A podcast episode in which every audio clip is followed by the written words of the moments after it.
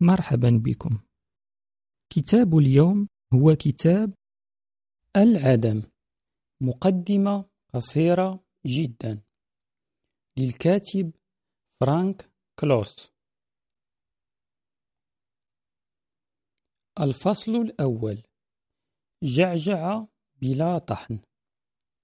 في مرحلة مبكرة من حياتنا يباغت أغلبنا هذا السؤال من أين جاء كل شيء؟ قد نتساءل أيضا أين كانت ذاتنا الواعية قبل أن نولد؟ هل يمكنك أن تحدد ذكرياتك الأولى؟ عندما التحقت بالمدرسة لأول مرة كنت أتذكر بوضوح أحداث العامين أو الثلاثة السابقة لا سيما العطلات الصيفية التي قضيناها على شاطئ البحر لكن عندما حاولت أن أسترجع الأحداث المبكرة في حياتي غامت الرؤى متلاشية حتى العدم. قيل لي إن سبب هذا هو أنني ولدت منذ خمس سنوات فحسب في عام 1945 في نفس الوقت تحدث والداي عن أحد الحروب وعن أمور وقعت لهما قبل هذه الحرب لكن لم يكن لهذا أي مدلول عندي فالعالم الذي عرفته لما يكن موجودا حينها. وبدا لي أنه بدأ بمولدي وأنه جاء مجهزا بآباء وكبار آخرين. كيف عاشوا قبل عالم الواعي؟ ظل الفراغ الغريب الذي ابتلع كل شيء حتى عام 1945 يزعجني. ثم وقع حدث عام 1969 منحني منظورا جديدا لهذه المشكلة. كانت أبولو عشرة تحوم حول سطح القمر التي كشفت معجزة الاتصالات عن أنه أرض جرداء مهجورة من الصخور والحصى. كانت صحراء الغبار الرمادي هذه تمتد حتى أفق القمر. الذي أخذ شكلا منحنيا قبالة فراغ أسود مرصع بالنجوم المتناثرة. تلك الكرات الميتة من الهيدروجين التي تتفجر لينبعث منها الضوء. وسط هذه الصورة القاحلة إذا بجوهرة زرقاء جميلة ذات سحب بيضاء وقارات خضراء من النباتات. ولأول مرة يشهد البشر ما يعرف بشروق الأرض. ثمة مكان واحد على الأقل في الكون توجد به حياة. في صورة مجموعات هائلة من الذرات نظمت على نحو يجعلها تملك وعيا ذاتيا وقادرة على التحديق في الكون في تعجب. ماذا لو لم تكن هناك حياة ذكية؟ بأي منطق كان سيوجد أي من هذا؟ لو لم تكن هناك حياة تدرك أو تدركه. منذ عشرة مليارات عام كان من الممكن أن يكون الحال على هذا النحو. فراغ ميت يعج بسحب البلازما وكتل قاحلة من الصخور تدور في الفضاء الفسيح. مع أن حقبة ما قبل الوعي هذه خلت من الحياة ولا بد أنها كانت أشبه بامتداد عظيم لنظرتي الخاصة عن الكون قبل عام مولدي التي تراقصت فيها الجاذبية دون أن يدري بها أحد. فإن الذرات نفسها التي وجدت حينها هي نفسها التي نتكون منها نحن اليوم.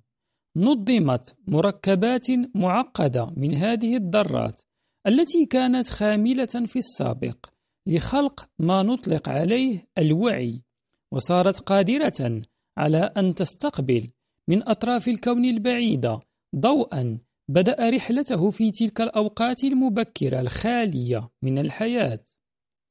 وبمقدورنا في حاضرنا هذا أن نستدل على تلك الحقبة الميتة المبكرة وهو ما يضفي عليها نوعا من الواقعية. إننا لم نخلق من العدم وإنما من مادة أصلية أولية. من ذرات تكونت منذ مليارات السنين. جمعت لفترة زمنية قصيرة في أجساد البشر. هذا يقود بدوره إلى سؤال الأخير.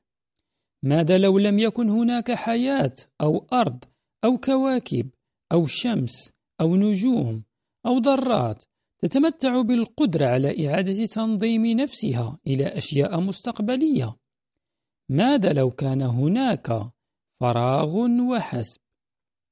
بعد أن أزلت كل شيء من صورتي الذهنية عن الكون حاولت تخيل العدم المتبقي. وعندئذ اكتشفت ما أدركه الفلاسفة على مر العصور. من الصعب جدا التفكير في الفراغ.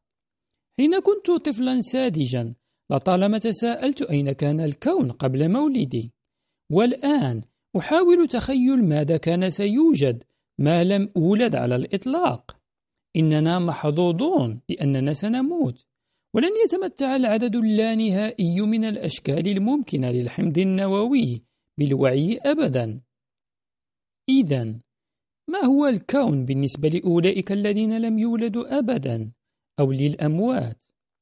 كل الثقافات وضعت خرافاتها بشأن الموت إذ إنه من الصعب جدا القبول بأن الوعي يمكن أن يندثر بسهولة عندما تتوقف مضخات الأكسجين عن ضخ الأكسجين إلى المخ. لكن ما الذي يعنيه الوعي لتجميعات الحمض النووي التي لم ولن يكتب لها الوجود أبدا؟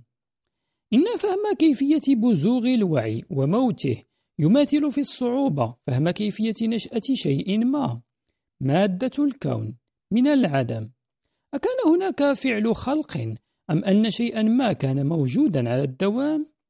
أكان من الممكن حتى أن يوجد عدم إذا لم يكن هناك من يدركه؟ كلما حاولت فهم هذه الألغاز شعرت أنني إما أقترب من الحقيقة أو إنني على حافة الجنون. مرت السنون وبعدما قضيت حياتي عالما يحاول أن يصبر غور الكون. رجعت إلى هذه الأسئلة وقمت برحلة للعثور على الإجابات الموجودة. كانت النتيجة في هذا الكتاب الصغير الذي بين يديك. أشعر بالإطراء حين أعرف أنني حين أوجه مثل هذه الأسئلة فأنا بهذا أنضم إلى صحبة طيبة. ذلك لأن هذه الأسئلة طرحها بشكل أو بآخر بعض من أعظم الفلاسفة على مر العصور. علاوة على ذلك لم يتفق الجميع على إجابة بعينها. من وقت لآخر حين تسود إحدى الفلسفات على ما سواها كانت الحكمة المكتسبة تتطور هي الأخرى. أيمكن أن يوجد خواء؟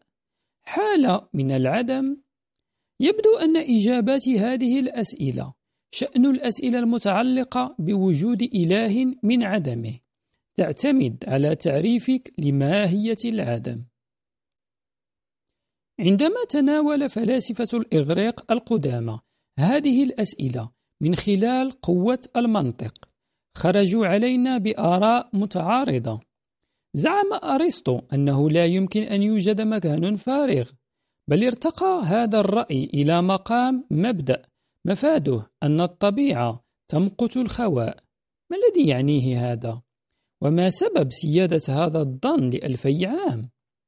هذه من أوائل الأسئلة التي سأتناولها في القرن السابع عشر ومع بغزوغ المنهج التجريبي أدرك تلاميذ تلامذة غاليليو أن هذا الاعتقاد يرجع إلى سوء تأويل للظواهر. إذ إن مقت الخواء ذاك إنما ينجم عن وجود الغلاف الجوي الذي يزن عشرة أطنان ويضغط على كل متر مكعب من كل شيء موجود على الأرض وهو ما يتسبب في إقحام الهواء في كل ثقب متاح. كما سنرى لاحقا من الممكن إزالة الهواء من الأوعية وصنع الفراغ. كان أرسطو مخطئا. على الأقل هذه هي النتيجة لو لم يكن هناك سوى الهواء فبإزالة الهواء سيزال كل شيء. ومع تقدم العلم واتساع مداركنا وحواسنا بواسطة وسائل أكثر تعقيدا بات جليا أنه ينبغي إزالة ما هو أكثر بكثير من الهواء. وللحصول على فراغ حقيقي. فالعلم الحديث يرى أنه يستحيل من حيث المبدأ صنع فراغ تام. لذا لعل أرسطو لم يكن مخطئا في نهاية المطاف. ومع ذلك لا يمانع العلماء المعاصرون في استخدام مفهوم الفراغ. ومن أحد تفاسير الفيزياء الحديثة أنها تصب جم تركيزها على محاولة فهم طبيعة الفراغ الزماني والمكاني في أبعادهما المختلفة. لكن السؤال الذي طرحته على نفسي بمنتهى البراءة وفي الحقيقة أكثر إبهاما على اعتبار أننا نعرف اليوم ما لم يعرفه أحد حينها ألا وهو أن الكون يتمدد وكان يتمدد طيلة 14 مليار سنة تقريبا منذ ما سمي بالانفجار العظيم. ونظرا لأنه لا المجموعة الشمسية ولا الأرض ولا الذرات التي تكون أجسادنا تتمدد. نستنتج من هذا أن الفضاء نفسه هو الذي يتمدد. وعندما نرجئ الآن سؤال إلى أي مدى سيتمدد؟ سنجد تكملة أخرى لسؤال الأساسي. إذا أزلت كل شيء فهل سيظل الفضاء يتمدد؟ وهذا بدوره يقودنا إلى سؤال عما يكون الفضاء عليه لو أننا أزلنا كل شيء فهل يوجد الفضاء بمعزل عن الأشياء؟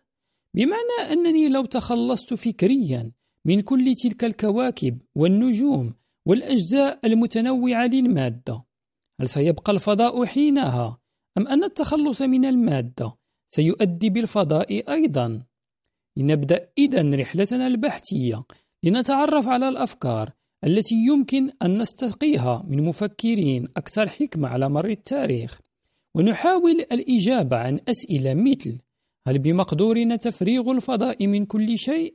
وإن استطعنا ذلك ماذا سينتج؟ لماذا لم يحدث الانفجار العظيم في وقت مبكر عن ذلك؟ ولو جاء الكون بنتيجة فعل خلق فما الذي كان موجودا قبل هذا الخلق؟ أم أن شيئا ما كان موجودا على الدوام ثم تحول ليصير نحن البشر. أفكار مبكرة حول العالم.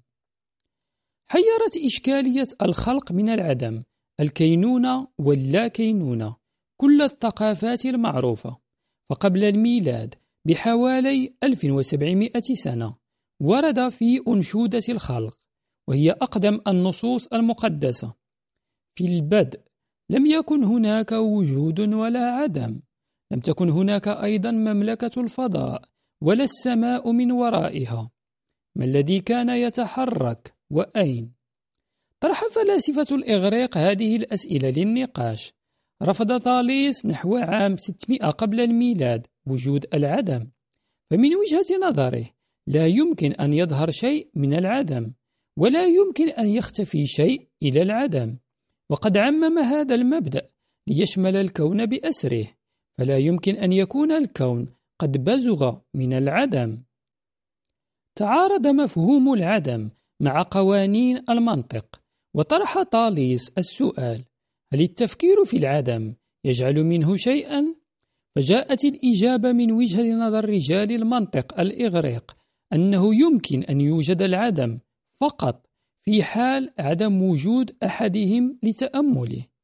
ظاهريا أجيب سؤالي الخاص بإمكانية أن يوجد عدم إذا لم يوجد أي شيء يعرف بوجود العدم بالإثبات وقبل ثلاثة آلاف عام.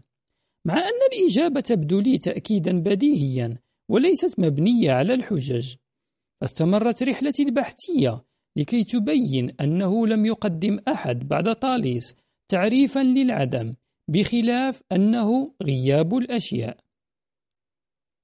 بعد انتهاء طاليس من قضية العدم انتقل إلى طبيعة الأشياء.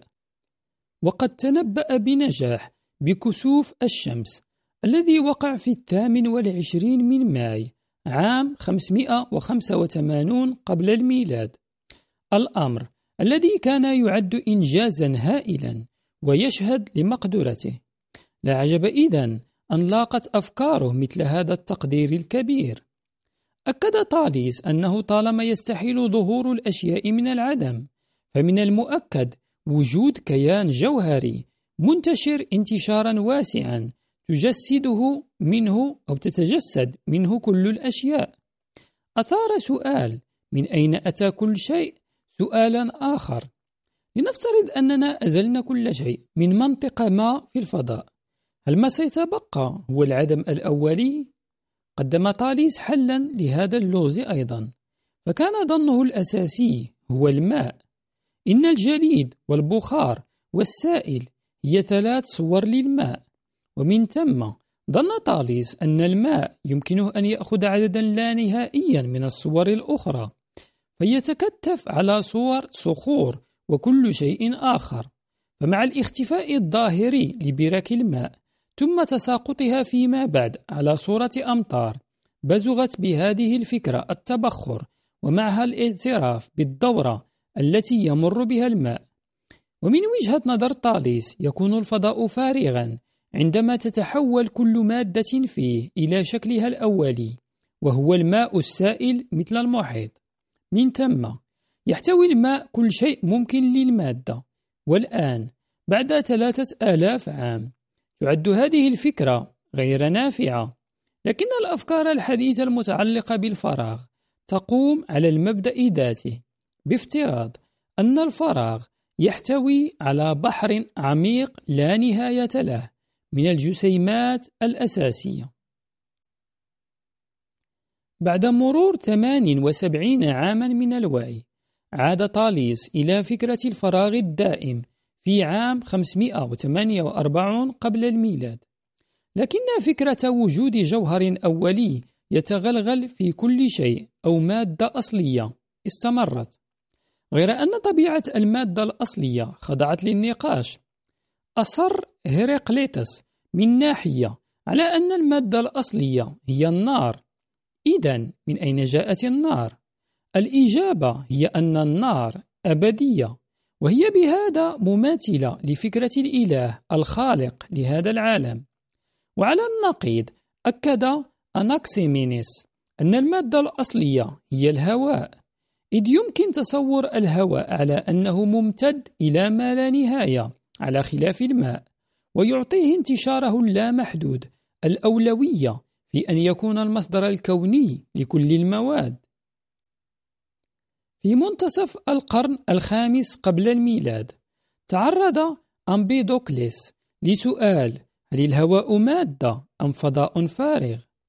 شهد الأمر ظهور بدايات طرق التجريب مع استخدام أداة معروفة باسم هيدرا وهي قارورة زجاجية مفتوحة عند أحد طرفيها ولها انتفاخ كروي الشكل عند طرفها الآخر. يحتوي الانتفاخ على ثقوب. يمكن أن ينسال منها الماء ما دام الطرف الآخر مفتوحا. إذا سددت الفتحة بإصبعك لا يتدفق أي ماء. وإذا أفرغت الهيدرا من الماء ثم غطستها سيتدفق الماء إليها. ويعيد ملأها ما دام الطرف الأعلى مفتوحا. أما إذا سددت الطرف المفتوح بإصبعك فلا يدخل ماء عبر الثقوب ولا يخرج هواء أيضا. يبرهن هذا على أن الهواء والماء يوجدان في نفس المساحة. فلا يستطيع الماء أن يدخل ما لم يخرج الهواء. فالهواء مادة وليس فضاء فارغا. وظل هذا هو المعتقد السائد إلى أن جاء تورشيليلي في القرن السابع عشر وفسر ما يحدث. توسع أمبيدوكليس في مفهوم المادة الأصلية لتشتمل على أربعة عناصر الهواء الماء النار الأرض. وقدم أفكارا أولية حول القوى ففي رأيه تنقسم القوة إلى قوى الحب والخلاف. الصورة الأولية لقوى التجاذب والتنافر. وقطعا كان هو أول من فرق بين المادة والقوى لكنه ظل مصرا على استحالة وجود الفضاء الخاوي. كثير من أشكال المادة حبيبية أو حبيبية وعندما تتقدس الأجسام الكروية معا فإنها تترك مسافات بينها. وبما أنه لا توجد إمكانية لوجود فراغ في الفضاء الخاوي استحدث أميبيدوكليس الأثير وهو الأخف من الهواء الذي يملأ هذه المسافات. بل كل الفضاء. بل إنه تخيل أن هذا الأثير المنتشر في كل الأرجاء قادر على نقل التأثير من جسم إلى آخر ما يشبه مجال الجاذبية في الفكر الحديث. رفض أناكاساغوراس أيضا إمكانية وجود الفضاء الخاوي وخلق شيء من العدم. ووفقا لرأيه فإن الخليقة نظام انبثق عن الفوضى. وليس كونا ماديا ظهر من العدم. إن تحول الفوضى إلى نظام يحمل اعترافا بتطور الأشياء وتغيرها كما هو الحال عندما يتحول الطعام إلينا. وقد طرح الافتراض بوجود عناصر أساسية في الوقت الذي يتغير فيه تركيبها الإجمالي. فكرة البذور وولد المذهب الذري. ويرى أناكساغوراس أنه لا وجود لأصغر ذرة فلا حد لانشطار المادة. ومن ثم لا حاجة إلى القلق بشأن الفراغات بين الأجسام الكروية المتلامسة ولا حاجة إلى الأثير الذي يملأ الفجوات. استمر إبيقور حوالي 250 قبل الميلاد. وأيضا ديموقريطوس واليوكيبوس على رفضهم لإمكانية أن ينبثق شيء عن العدم وهم يعتبرون مبتكري فكرة الذرات التي هي بذور أساسية صغيرة غير مرئية تشيع في المادة. ومن هنا تولدت فكرة إمكانية وجود فراغ مسافة فارغة يمكن أن تتحرك فيها الذرات. كان الاعتقاد هو أنه إذا كان يوجد شيء ما في نقطة ما فلا يمكن إذن للذرة أن تتحرك إلى هذا المكان. فلكي تكون الحركة ممكنة لابد أن يكون هناك فراغ يمكن أن تتحرك فيه الذرات بل تخيلوا أيضا كونا مفرغا لا نهائيا مليئا بذرات متحركة بالغة الصغر لدرجة تمنعها من أن ترى بمفردها لكنها تتكدس معا في تكوينات مرئية. إن الذرات في حالة حركة مستقرة أو مستمرة لكن صورتها الإجمالية ضبابية وتبدو ساكنة. تشبه الصورة بيت النمل فهو يرى من بعيد ككومة ساكنة لكن عند الاقتراب منه يتضح أنه يتكون من ملايين النمل دقيق الحجم الذي يتحرك حركة مستعرة على الرغم من أن أفكار أتباع المذهب الذري أكثر شبها للصورة التي نملكها اليوم عن المادة فإن أفكار أرسطو المخالفة هي التي سادت طيلة ألفي عام. رأى أرسطو أن الفراغ لابد أن يكون منتظما ومتناظرا تماما بحيث يستحيل تمييزه من الأمام أو الخلف أو اليمين أو اليسار أو من أعلاه أو أسفله. ظهر هذا المبدأ أيضا في أنشودة الخلق بالريق فادا التي تغنت قائلة أكان هناك أسفل؟ أكان هناك أعلى؟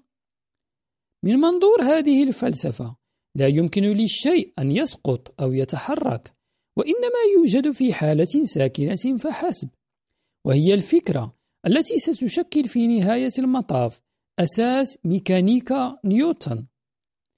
غير أن أرسطو رأى أن مثل هذه الخصائص تنكر وجود العدم وصاغ الحجج المنطقية التي تنكر وجود العدم في أوضح صورها. إذ كان الفضاء الفارغ شيئا وإذا وضعنا جسما ما في هذا الفضاء الفارغ. عندئذ سيصبح لدينا شيئان في نفس المكان والزمان.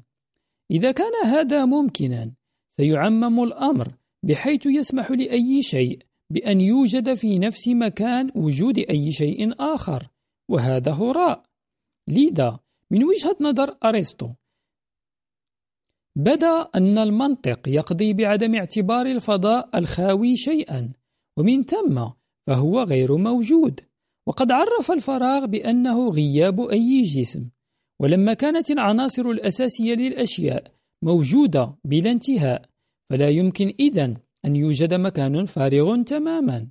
باختصار رفض منطق أرسطو وجود الفراغ وقاد إلى الحكمة الشائعة القائلة إن الطبيعة تمقت الخواء.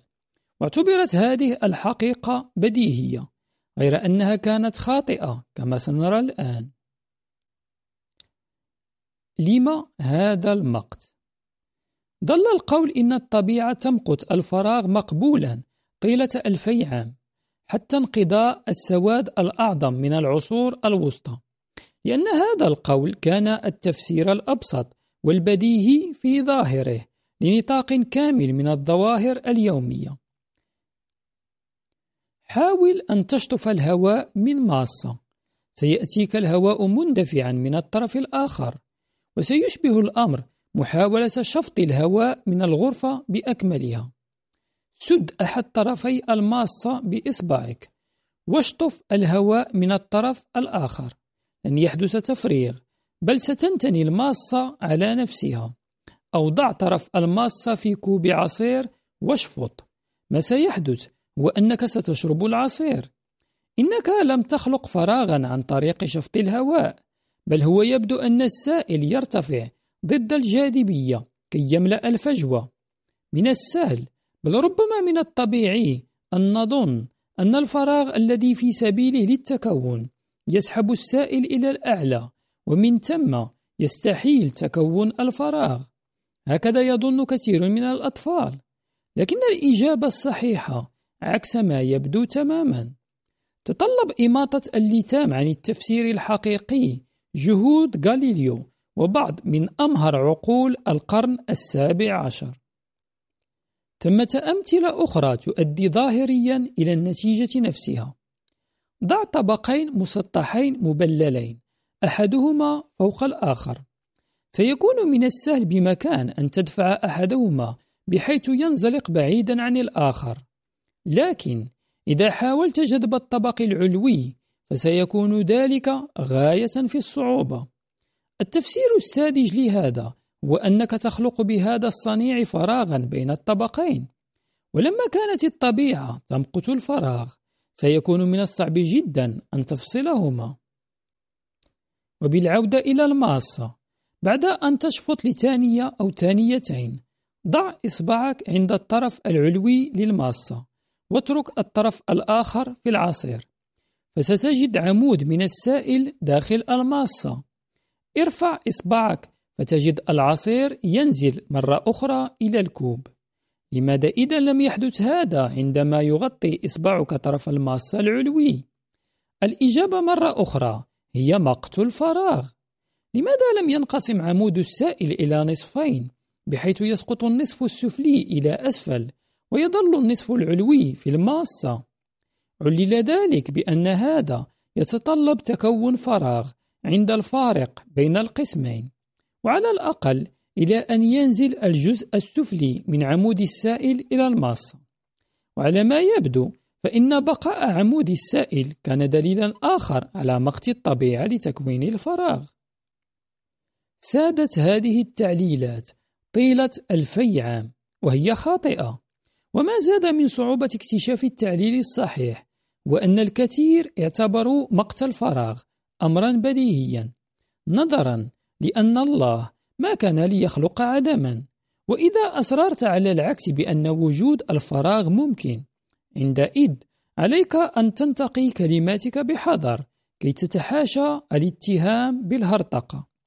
ثمة حجة بديلة صارت على الشكل الآتي الله كلي القدرة. ومن ثم يمكنه أن يخلق أي شيء أو لا شيء. أن تقول إن الله ما كان ليخلق العدم فإنك تحد من قدرة الله ومن ثم يمكن أن يوجد الفراغ. اعتقد غاليليو الذي جابه مثل هذه المشكلات فيما بعد أن الفراغ ممكن وكان أول من اقترح اختبار الفكرة عن طريق إجراء التجارب. إن فكرة اختبار الأفكار المجردة بالطريقة التجريبية كانت فكرة ثورية وخطيرة أيضا فغالبا ما كان ينتهي الحال بالهراطقة بالإعدام على خازوق. ونتيجة لهذه التجارب باتت أسباب المقت الظاهري واضحة وباتت خصائص الفراغ مفهومة في تلك الأثناء بالطبع. ومع اتساع الفهم اخترع العديد من الأدوات التي نألفها اليوم. الهواء. حين كنا أطفالا كنا نعي النظام الطبيعي للأشياء هكذا. الأشياء المتحركة تبطئ في حركتها والأشياء الأخف كالورق تسقط إلى الأرض أبطأ من الأحجار. أرست تجارب غاليليو التي قادت إلى قانون نيوتن القائل إن الأجسام تستمر في حالة حركة منتظمة وفي خط مستقيم ما لم تتعرضها أو تعترضها قوة خارجية. كان غاليليو أول من أثبت أن الهواء له وزن.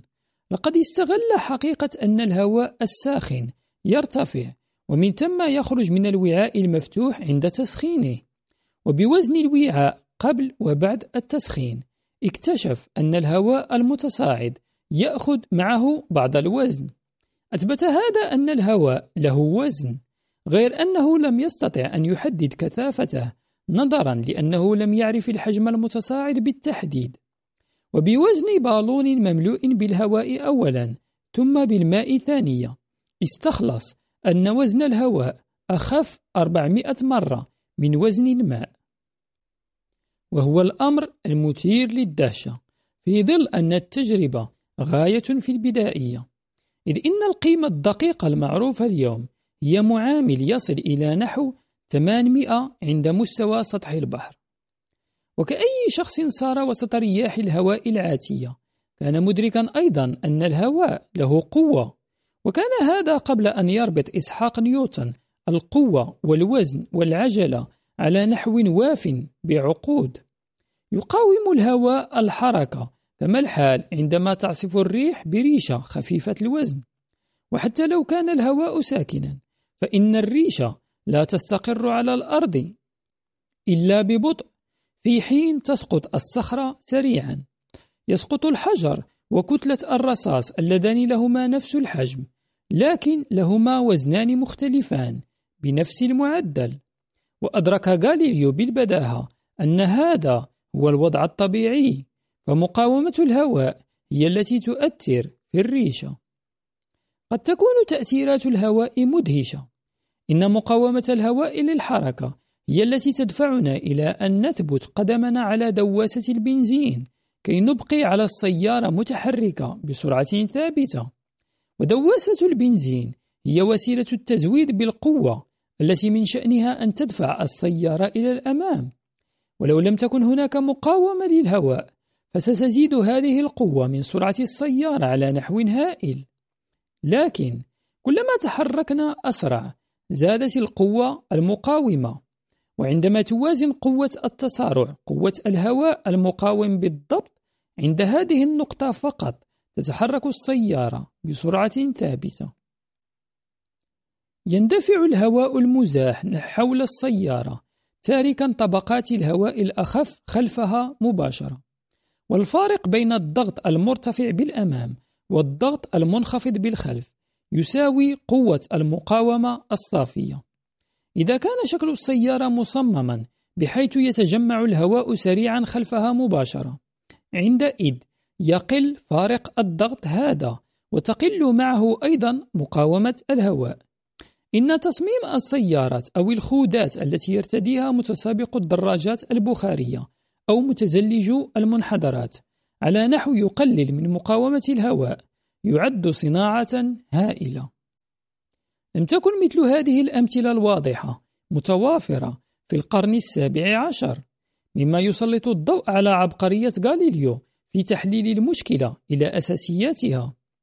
إن الحصوة التي تسقط في سائل لزج تكاد تتوقف في الحال وتقل المقاومة في الماء وتقل أكثر في الهواء. استخلص غاليليو من هذا أنه لو لم تكن هناك أدنى مقاومة للهواء لسقطت كل الأجسام بنفس المعدل. ومع أن غاليليو لم يستطع أن يصنع فراغا فمن الواضح أنه لم يكن لديه أدنى مشكلة فلسفية متعلقة بإمكانية وجود هذه الحالة من حيث المبدأ. كل ما هنالك أنه يصعب جدا صنعها.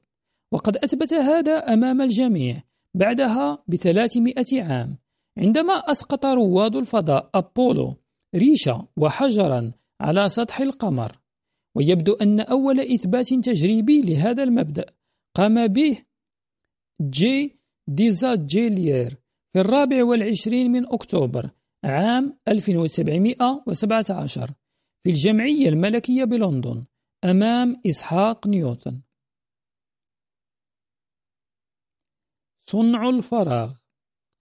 أدرك غاليليو أن مضخات السحب أو السحب لا يمكنها أن ترفع المياه أكثر من عشر أمتار تقريبا. تقاوم الطبيعة تكوين الفراغ لكن إلى حد معين على ما يبدو. فبعد عشرة أمتار من المياه يفشل الشيء الذي يمنع تكوين الفراغ أيا كانت ماهيته في دوره. وتساءل غاليليو ما الذي سيحدث لو استخدمنا الزئبق الذي هو أكثر السوائل كثافة بدلا من المياه. توصل. إيفانجيلستا تورتشيلي أحد تلاميذ غاليليو. إلى الإجابة عام 1642 بناء على نصيحة غاليليو. وقد برهن هذا عن طريق إجراء تجربة بسيطة باستخدام أنبوب زجاجي مجوف طوله حوالي متر مسدود عند إحدى طرفيه. ووعاء مملوء بالزئبق. قد تصورت أو تصور الكتب المدرسية الحديثة التجربة على النحو الآتي. استخدم أولا أنبوبا قصيرا طوله 10 أو 20 سنتيمترا واملأه بالزئبق. سد بإصبعك الطرف المفتوح ونكس الأنبوب. اخفض الأنبوب بحذر إلى وعاء من الزئبق ولا ترفع إصبعك إلى أن يكون طرف الأنبوب المفتوح تحت سطح الزئبق بالوعاء عندما يصبح طرف الأنبوب المفتوح مغمورا يظل السائل موجودا داخل الأنبوب في مكانه فينتصب عمود من الزئبق فوق سطح السائل. أجرى تورتشيلي التجربة باستخدام الزئبق مع أن خصائصه السامة تجعله أقل شيوعا في إجراء التجارب اليوم. وقد أدرك أن قدرة السائل على التماسك ارتبطت بالأوزان النسبية للزئبق داخل الأنبوب وللجو الذي يعلوه مباشرة وعلى نحو أكثر دقة لمعادلة الضغط الذي يبذله الضغط الجوي على الزئبق الذي في الوعاء. لابد أن يصل ارتفاع الزئبق داخل الأنبوب إلى مستوى معين. اتضح في تجربة تورتشيلي أن هذا الارتفاع يبلغ حوالي 76 سنتيمتر وهنا يكمن اللغز. إذا نكس أنبوب طوله متر مليء بالزئبق ثم وضع في وعاء من الزئبق فإن الزئبق الذي في الأنبوب يهبط إلى أن يصير طول العمود 76 سنتيمترا ثم يسكن. إذا ماذا يوجد في الأربعة والعشرين سنتيمترا التي تعلو الزئبق في الجزء العلوي من الأنبوب؟ يبدو أن الجزء الذي كان يوجد فيه الزئبق في وقت ما أصبح فارغا الآن. إذ يعجز الهواء عن الدخول وعليه أدرك تورتشيلي أنه صنع فراغ عند مستوى سطح البحر يضغط علينا الجو بقوة تبلغ نحو كيلو جرام في كل سنتيمتر مربع أي بما يعادل عشرة أطنان لكل متر مربع. ثمة تجربة شهيرة تثبت كم يمكن أن يكون الهواء قويا أجراها أوتوفون غوريك عمدة ماغديبورغ لثلاثين عاما والعالم صاحب الموهبة الواضحة في تبسيط العلوم. في عام 1654 أجرى عالمنا استعراض الفراغ الذي تضمن 16 حصانا ونصفي كرة برونزيتين مجوفتين نصف قطر كل منهما حوالي متر مع الاستعانة بخدمة الإطفاء المحلية. وضع نصف الكرة معا لعمل كرة مجوفة وأوضح فون غوريك أولا أنه يسهل وضع نصفي الكرة معا مثلما يسهل فصلهما. وبمهارة استعراضية يحسده عليها السحرة دعا أفرادا من جمهور المشاهدين للتأكد من أنه يسهل فصلهما. ثم بدأ العرض الحقيقي. وصلت مضخة تفريغ. تكرم بتقديمها قسم الإطفاء. بصمام في أحد نصفي الكرة. وسحب الهواء الذي بالداخل. وبعد بضع دقائق أعلن العمدة أنه جرت إزالة الهواء ثم أغلق الصمام وأزيلت المضخة ودعا الجمهور إلى فصل نصفي الكرة. لكن الأمر كان مستحيلا ولجعل المسألة أكثر إثارة. أحضر فريقين كل منهما مكون من ثمانية أحصنة مربوطين معا وربط كل فريق بأحد نصفي الكرة. اكتفت الكتب الدراسية عند هذه النقطة بالإشارة إلى أن الفريقين تجاذبا في الاتجاهين المتعاكسين وظلا نصفا الكرة متلاصقين كما هما. لكن الحقيقة كانت أكثر عشوائية. فكل حصان على حدة كانت لديه فكرته الخاصة فيما شاء أن يفعل فكانت الأحصنة تجذب في مختلف الاتجاهات. استغرق الأمر ستة محاولات قبل أن يستطيع فون غوريك أن يجعل أحصنة كل فريق تشد معا في نفس الاتجاه. أخيرا بدأت لعبة شد الحبل الصحيحة وشد الفريقين في الاتجاهين المعاكسين بكل قوتهم وظل نصفاء الكرة يرفضان الانفصال. عندئذ فتح الصمام وسمح للهواء بدخول الكرة. فانفصل نصف الكرة بسهولة. في تجربة فون غوريك عندما أزيل الهواء من داخل الكرة ضغط الوزن الكامل للجو على الجانب الخارجي من الكرة بقوة تعادل عشرة أطنان للمتر المربع دون أن يوجد ضغط معادل داخل الكرة ليصد هذه القوة. كان النحاس قويا بالدرجة الكافية لتجنب الانسحاق لكن ولا حتى فريق المكون من ثمانية أحصنة. كان قويا بما يكفي لتوفير أطنان القوة اللازمة للتغلب على الضغط الخارجي. بليز باسكال الماء والنبيذ. في فرنسا كان العالم بليز باسكال يتمتع هو الآخر بالموهبة الاستعراضية.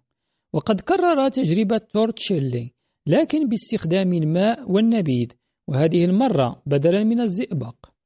أجرى باسكال تجربته في مدينة روان أمام جمهور مؤلف من عدة مئات واستخدم أنابيب يصل طولها إلى 15 مترا. يمكن رفعها عموديا بواسطة سواري سفن يمكن إمالتها. كان سبب هذا الطول الكبير هو أن كثافة الماء والنبيذ أقل 15 مرة من كثافة الزئبق ومن ثم يدعم الضغط الجوي عمودا أعلى بمقدار 15 مرة أي بارتفاع 11 مترا في المجمل. كانت التجربة هائلة مما جذب المزيد من المشاهدين وكان هناك تحد أيهما سيكون أطول عمود الماء أم عمود النبيذ؟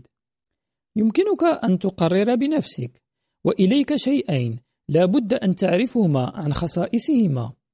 أولا النبيذ أقل كثافة فهو أخف لكل لتر من الماء لكنه أيضا أكثر تطايرا. في حين أن الماء ما لم يكن مضافا إليه الكثير من الكلور يعد أقل تطايرا. وما دام الموضوع متعلقا بالثقل كان الماء سيتوقع أن عمود الماء الأكثر كثافة سينتهي به الحال على الارتفاع أقل من عمود النبيذ.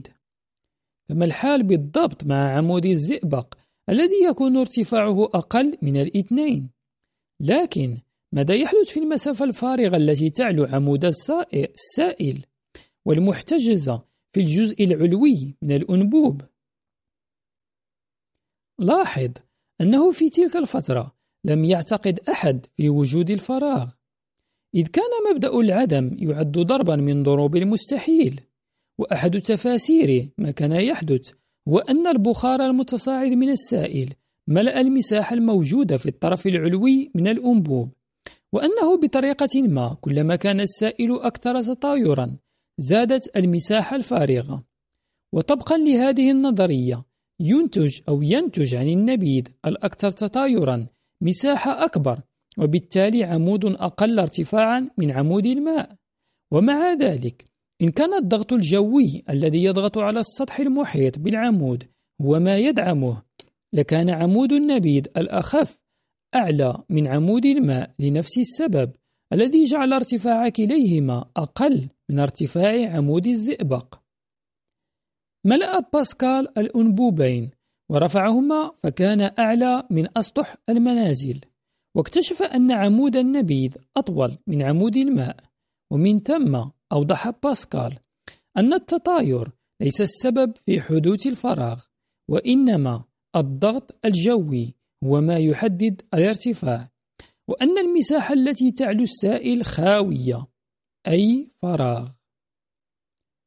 بعد أن أثبتنا لتونا وجود الفراغ من الإنصاف الإقرار بأن فكرة أن البخار له دور لا يجب رفضها كلية فثمة بخار تصاعد من النبيذ وتسلل إلى الفراغ أعلاه وضغط هذا البخار يضغط العمود لأسفل قليلا قليلا لأنه ضعيف للغاية مقارنة بالضغط الجوي الواقع على قاعدته.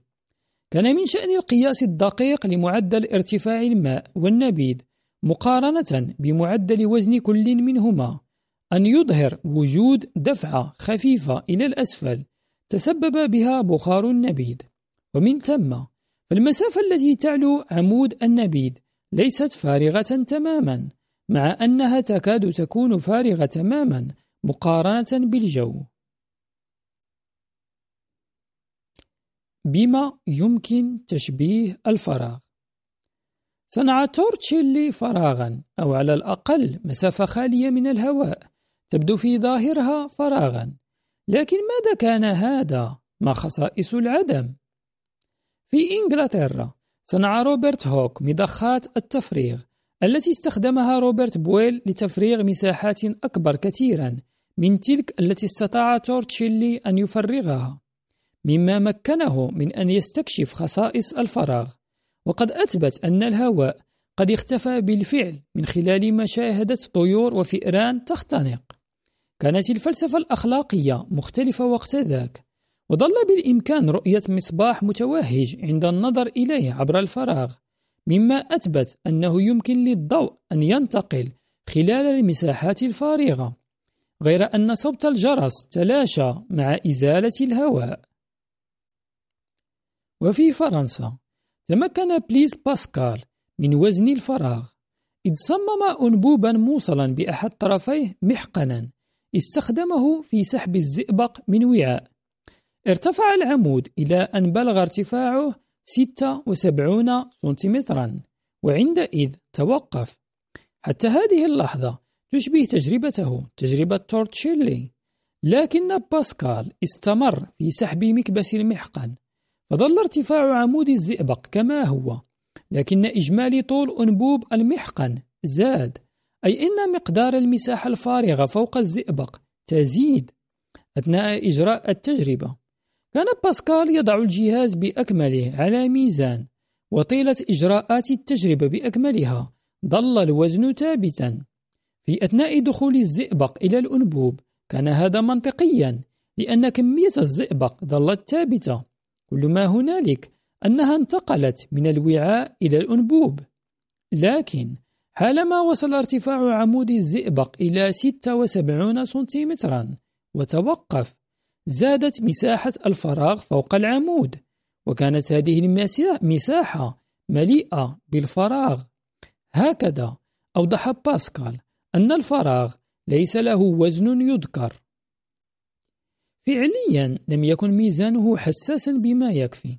ففي الواقع ينخفض الوزن مع استطالة المحقن وحلول الفراغ محل الهواء الذي كان بداخله في الأساس ومن ثم ينخفض الوزن الحقيقي. لكن وفق أهداف باسكال كانت النتيجة مثيرة فأيا كان ما يشغل مساحة تورتشيلي المفرغة فليس له وزن يذكر. ضغط الهواء. نطلق على الوزن الواقع على وحدة المساحة لسطح ما الضغط. يمكن للمرء أن يطفو على الجليد باستخدام الزلاجة في حين أنه قد يغوص فيه إذا ارتدى حذاءه العادي. يعزى ذلك إلى أن وزنه يوزع فوق مساحة أعرض في حالة الزلاجة وبالتالي يقل الضغط. أي أن الوزن لكل وحدة من المساحة وضغط الجو عند مستوى سطح البحر هو نفسه الضغط الذي يبذل عمود الزئبق البالغ ارتفاعه 76 سنتيمترا أو عمود الماء البالغ ارتفاعه 11 مترا. إذا وضع عمود من الزئبق ارتفاعه 76 سنتيمترا باتزان على رأسه فإن إجمال الضغط الذي تشعر به هو ضغطان جويان. أحدهما من الهواء والآخر من الزئبق المساوي له في القيمة. وبشكل أكثر عملية تدبر ما يحدث عند الغوص في البحر. إذ أن الماء المالح يزيد قليلا في كثافته عن ماء الصنبور فإن عشر أمتار منه كافية لمضاعفة الضغط الجوي. وعليه كلما غصت فيه عشرة أمتار إضافية أضيف ضغط آخر معادل للضغط الجوي. كل التأثيرات المنسوبة للحكمة المقدسة القائلة إن الطبيعة تمقت الفراغ. ترجع إلى ضغط الهواء الخارجي بما أن مساحة سطح جسم الإنسان تبلغ حوالي متر مربع فهذا يعني أنها أو أنه تضغط على جسم الإنسان عشرة أطنان من القوة عند مستوى سطح البحر وطن آخر مع كل متر يغوص في البحر لماذا إذا لا تشعر بهذا؟ الضغط يحدث نتيجة تراكم جزيئات الهواء بعضها فوق بعض وفي حال التوازن تضغط الجزيئات إلى الأجناب وإلى الأعلى والأسفل بنفس المقدار وإلا سيكون هناك قوة صافية وعجلة ينطبق هذا أيضا على الضغط في السوائل كالماء يضغط الهواء الموجود داخل رئتينا نحو الخارج مثلما يضغط علينا الجو من الخارج. تنشأ حالة الارتياح وهي عدم شعورنا بالضغط. نتيجة للتوازن بين الضغط الخارجي والضغط المضاد الداخلي والتغير المفاجئ في الضغط كما الحال عند هبوط المصعد بسرعة أو إقلاع الطائرة أو الغوص المفاجئ أثناء السباحة. يمكن أن يسبب الإزعاج والأذن تتألم من اختلاف الضغط الشديد. يسبب التغير المفاجئ في الارتفاع حدوث تغير في الضغط.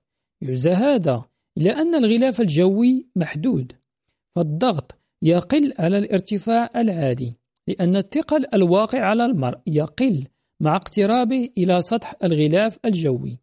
وفي حين أن سطح البحر يكون محددا بدقة فإن سطح الغلاف الجوي يكون متدرجا وتقل كثافته إلى أن نصل إلى آخر المطاف إلى فراغ الفضاء الخارجي. وكان هذا هو التصور الأول للغلاف الجوي.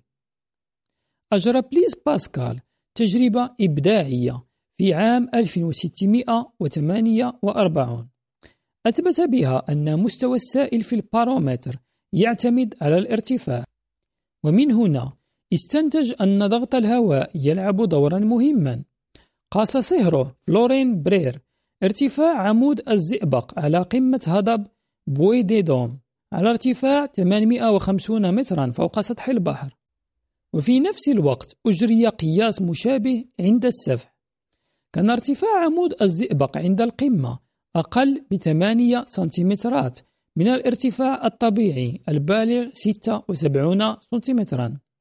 أثبت هذا أن عمود الزئبق ينخفض كلما زاد الارتفاع بسبب انخفاض الضغط الجوي كلما ارتفعنا للأعلى وهذا يرجع بدوره إلى أنه كلما ارتفعنا قل ثقل الهواء الذي يضغط علينا. هكذا اخترع مقياس الارتفاع الأولتيمتر. يستخدم لقياس ارتفاع الفرد من خلال قياس الضغط النسبي لمحيط الهواء فوقه. إلا أن التأثير الأعمق لهذا الاكتشاف كان متعلقا بطبيعة الغلاف الجوي نفسه إذ أوحى بأن الأرض تغلفها طبقة محدودة من الهواء فمحيط الهواء له سطح يكمن خلفه الفراغ كما يظن. كان أرسطو أيضا يعتقد أن الهواء يشبه المحيط الذي له سطح لكن ما وراءه هو النار. كانت هذه فكرة هرطقية من وجهة نظر بعض الفلاسفة الدينيين الذين لم يستطيعوا قبول فكرة أن الله يمكن أن يخلق خلقا عديم النفع كالفراغ. غير أن المنهج التجريبي قام بدور في كشف نقائص مثل هذه الخرافات كما سيفعل عبر القرون التالية في العديد من الحالات الأخرى. يمكننا اليوم أن نختبر تأثيرات الضغط الجوي بطرق شتى. ينخفض الضغط الجوي مع الارتفاع.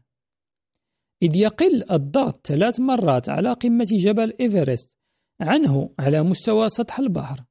إذا لن يرتفع عمود الزئبق إلا بمقدار 25 سنتيمترا فحسب. هكذا يكون الحال على ارتفاع 10 كيلومتر فوقنا. تحلق الطائرات على مثل هذا الارتفاع.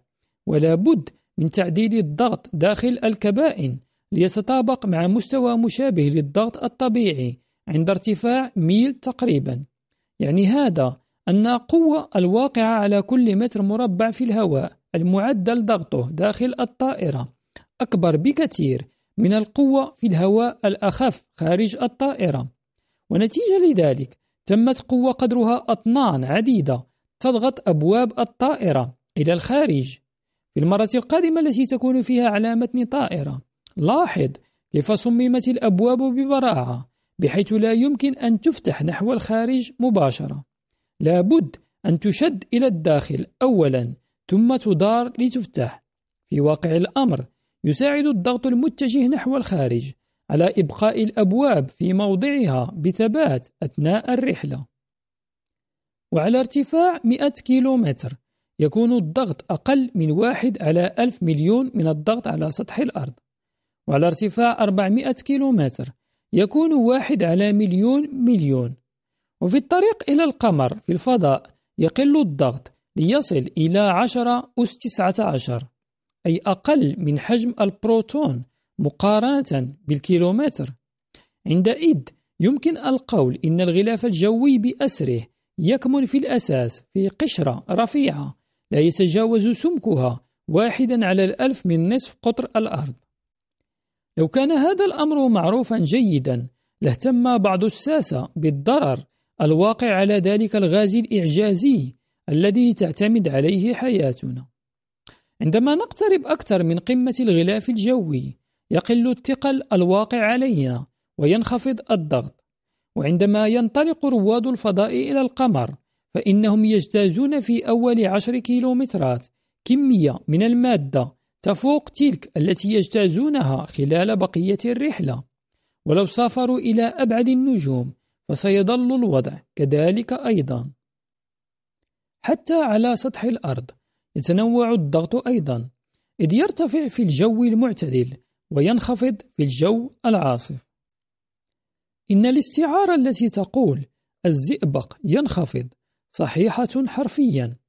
أما القول أن الطبيعة تمقت الفراغ الذي شدد عليه الفلاسفة الدينيون والتاريخيون فقد صار نسيا منسيا.